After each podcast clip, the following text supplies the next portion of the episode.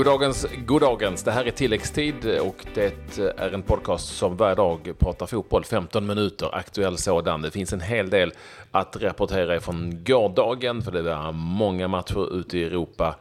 Och det avspeglar sig bland annat i det här. Malmö åkte på en tung förlust i, nere i Belgien. Men två svenskar spelade riktigt fina avgörande roller ute i Europa.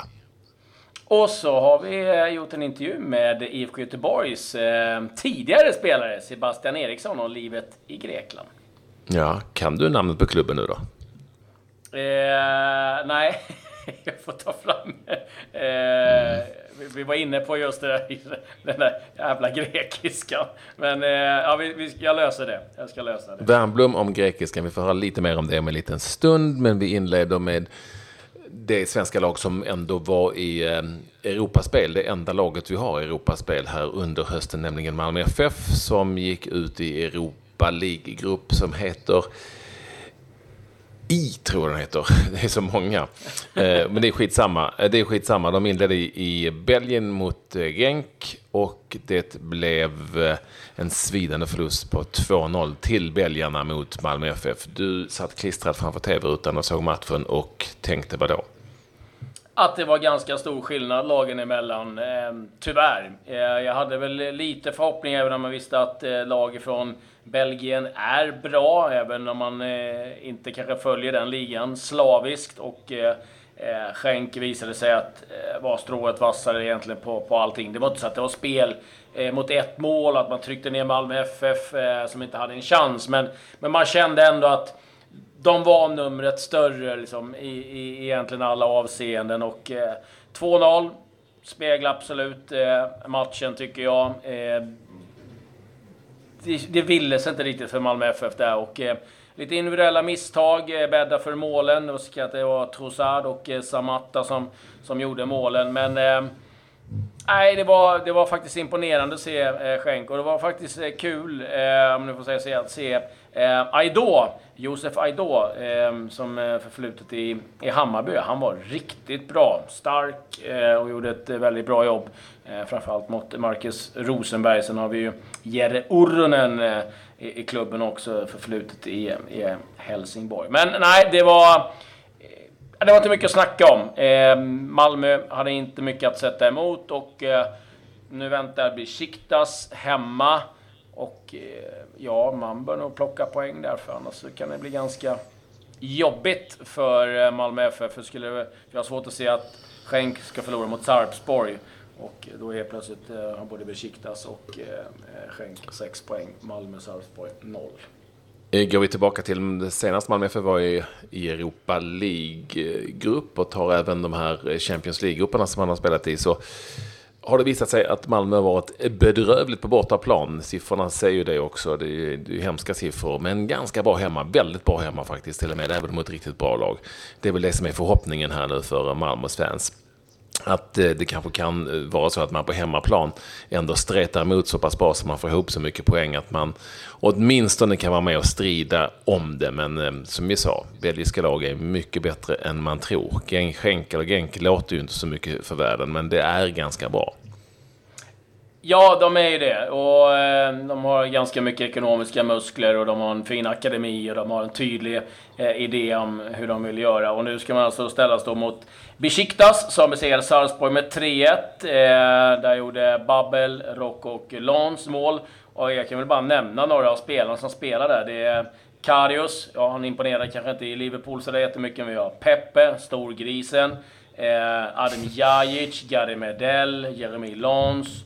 Eh, alltså det, det, är ett, det, det, är ett skickligt lag. De har Ryan Babbel som de kastar in. Kareshma. Eh, Wagner Love. Alltså det, det är riktigt bra spelare och även om de ställer upp kanske något eh, B-betonat så kommer det ändå vara ett väldigt, väldigt bra lag de möter. Men det är liksom det man vet att det kommer att vara. Det är, mm, på något vis, jag förstår vad jag menar. Mm, det, det här med ett belgiskt lag låter ju inte så mycket för väl, fast det här bra. Med det sagt så ska vi säga att det var två andra belgiska lag i elden ikväll och Anderlecht förlorade borta mot Trnava med eh, 1-0, bara för att göra en jämförelse. Eh, och eh, Sevilla då mötte ju också Belgiets motstånd i form av Standard Liège och vann med 5-1 i Spanien. Så att det finns andra lag som är väldigt bra också. Du sa det själv, Besiktas vann med 3-1 i den här gruppen.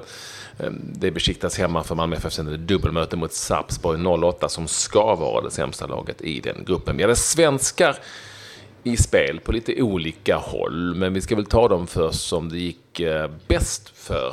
Åtminstone om vi tittar till målprotokollet. För eh, han fortsatte göra mål för sitt ryska lag Krasnodar.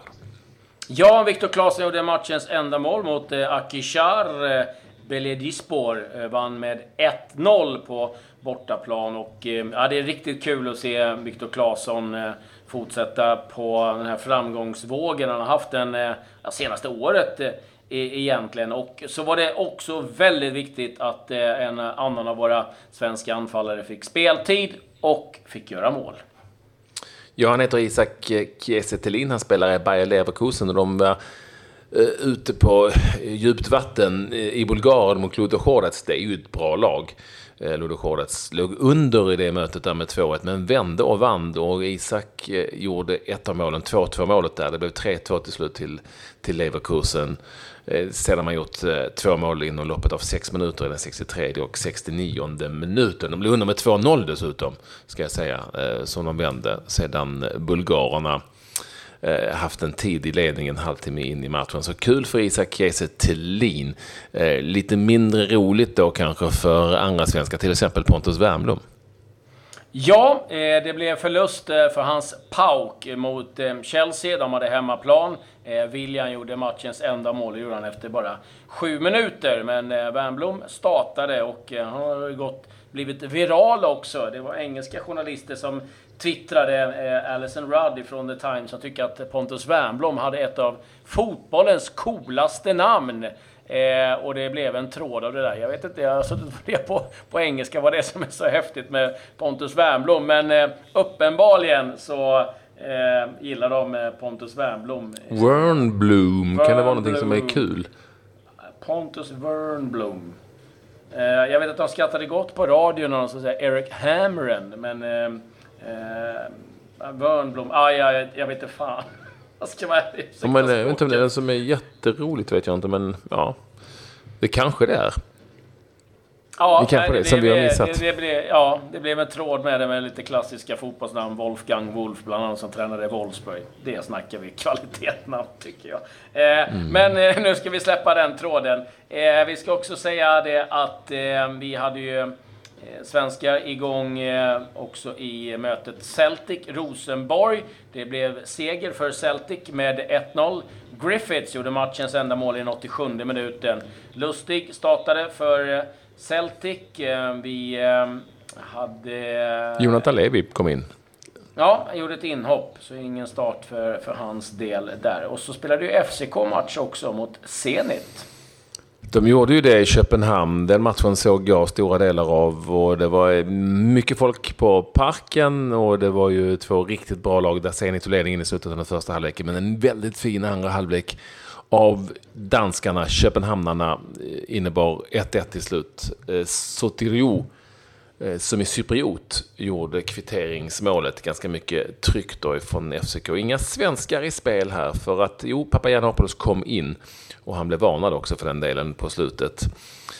Och Bengtsson, Pierre Bengtsson satt på bänken hela matchen. Papagiannopoulos har haft lite skadeproblem. Och inte varit helt ordinarie sedan dess. Men han har ju ganska mycket fina minnen från just Europa League-spel. Och 1-1 tror jag de är ganska nöjda med ändå mot eh, erkänt starka eh, Zenit. Så där hade vi svenskar också. Hade vi fler? Kanske någon va? Ja, jag vet inte riktigt, men jag kan dra lite andra resultat där. Eh, Villarreal mm. Rangers, det slutade 2-2. En ganska svängig tillställning där eh, enligt rapporterna. Villarreal var det klart bättre laget. Eh, Marseille förlorade hemma mot Eintracht Frankfurt med eh, 2-1. Lazio besegrade Apollon Limassol med 2-1. Eh, Rennes mot Jablonek 2-1. Eh, vi hade som du nämnde, Sevilla Standard Liège 5-1. Vi hade också Red Bull-derbyt, det får vi inte glömma. Ja. Herregud. Eh, och det blev eh, Red Bullarna från Österrike som eh, fick flyga hem med tre poäng då. Mm. 3-2 vann de på bortaplan. Och Emil Forsberg satt på bänken. Inget inhopp eh, för hans del överhuvudtaget. Mm, det var det jag tänkte, jag tänkte på innan. Att han spelade Milan inte. Besegrade Dudelange med 1-0 eh, och Arsenal besegrade Vorskla Poltava med 4 Två, ska jag göra en snabb koll bara på Rennes. Jag tror inte att Jakob Johansson... Nej, han var inte med där. Han är inte riktigt fit för fighten nu. Dudelange dock, så ska vi säga, som spelade hemma mot Milan, är ju från Luxemburg. Det kan ju måste varit första gången som, som Milan åker till Luxemburg och spelar en eh, en stor... Ja, de kan ju ha spelat tidigare Europamatcher där. Det ja, och det, men däremot nog första gången de firade som de gjorde efter att ha vunnit. Gonzalo Higuain gjorde matchens enda mål och det firades väldigt mycket, eh, eh kan man eh, tycka. Eh, det har varit matcher också i eh, Copa Libertadores, det är kvartsfinaler där. Eh, Independiente, River Plate 0-0. Boca Juniors besegrade Cruzeiro med 2-0. Det var väl de matcherna. Ja, vi hade någon intressant match också i USA eftersom San Jose Earthquake spelade nu för första gången sedan Peter Star, eller Mikael Star heter han, fick eh, kicken. Eh, det blev inte mycket bättre. De ledde med 3-1 mot Atlanta hemma men förlorade med 4-3. Magnus Eriksson fick fortsätta spela där eh, efter tränarbytet och Portland Timbers vann sin match med 3-2 mot Columbus Crew. Inget mål därifrån. Han har haft det tungt på senare tid. Men åtminstone med målskyttet eh, Armenteros som spelar i Portland. Mm, Gustav Svensson spelade eh, för Seattle och som förlorade mot Philadelphia Union 94 minuten kom det målet riktigt tungt. Eh, lite övriga eh, nyheter då. Eh, IFK Göteborgs assisterande tränare Alf Westerberg har skrivit på en förlängning med klubben, två år. Och eh, vi har också en tränare i Italien som förlängt. Atalantas tränare Gasperini är förlängt till 2022. Och mer nyheter från Italien. Alberto Giladino eh, uppges nu lägga skorna på hyllan. 273 mål blev det i karriären.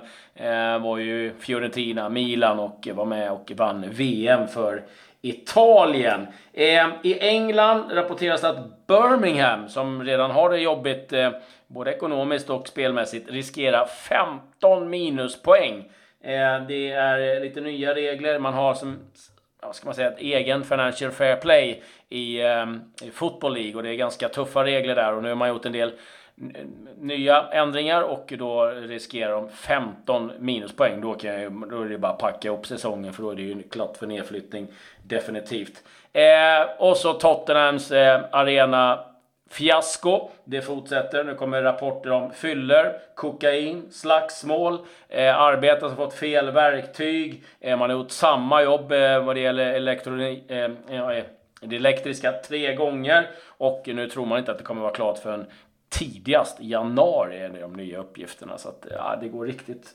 tungt där eh, för Tottenham. Bara kämpa på. Vi kan konstatera att eh, eh, nu fastnade jag här. Eh, beklagar det. Vi kan, nej, men vi kan konstatera att eh, Atalanta förlänger med sin tränare. Det sa jag, ju. Ja, sa du det? Gasperini? Ja, ja, ja du sa det. Ja, men du står, jag sitter och sover här. Jag ber verkligen om ursäkt. Jag hade faktiskt tänkt rapportera, nej, där har vi en annan tränarfråga. Det är ju då att Alf Westerberg, ni vet, han Nu har du sovit rejält. Assisterande tränare. Har du sagt det också? ja, ja, det ser ni. Ja, ja. Ni, du, du, lyssnar ingenting på vad jag säger. Men, eh, jo, det gör jag visst då. Jag beklagar verkligen. det är sant. ja, jag lägger ni, förstår ner, jag vilket liv jag, ni förstår vilket liv jag lever. Eh, jag, jag kan ju också berätta då att eh, Sebastian Eriksson, han spelar i ett lag som heter eh, Panetolikos eh, FC. Och, eh, Nej, Panetolikos. Ja, det var Panetolikos. Panetolikos, ja. ja. ja. Nu jag blir ändå för rätt här nu när jag har suttit och bort mig. eh, men jag, jag eh, gjorde en intervju med honom tidigare under eh, kvällen här och eh, finns att lyssna på ett specialavsnitt. Han berättar lite om eh, livet där nere och eh, hur han trivs. Eh, lite hur det går med grekiskan och också lite hans funderingar och tankar kring IFK Göteborg där han kände till slut att eh, det, det gick inte att vara kvar. Han orkade inte eh, att eh, vara kvar i, i klubben som han bryr sig väldigt mycket om. Så att eh, rekommenderar att lyssna på. en sista sak, och det här det är lite allvarligt ändå Patrik. Det är just det här med rankingen och landslaget. Det ser ut som att vi sjunker ner nu och eh, väldigt mycket talar vi, vi sjunker ner från 13 till 15 och eh, det, det, där kan eh, betyda ganska mycket att nu är risken ganska stor att vi hamnar i pott 3 istället för pott 2. Och det kan bli ganska tuffa matcher där istället eh, för att få en hyfsad eh, bra eh, lottning. Vi får se, vi hoppas att vi kan studsa tillbaka på det där.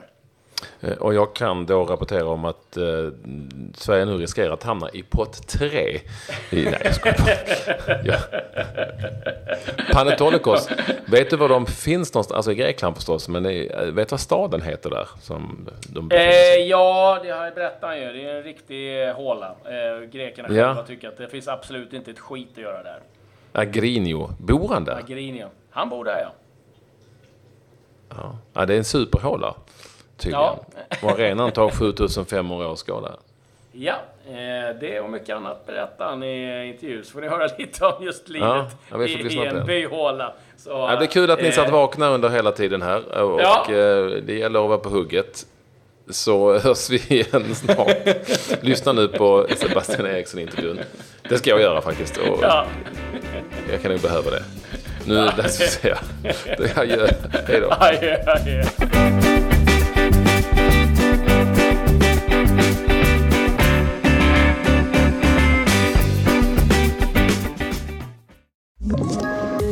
Poddtips från Podplay.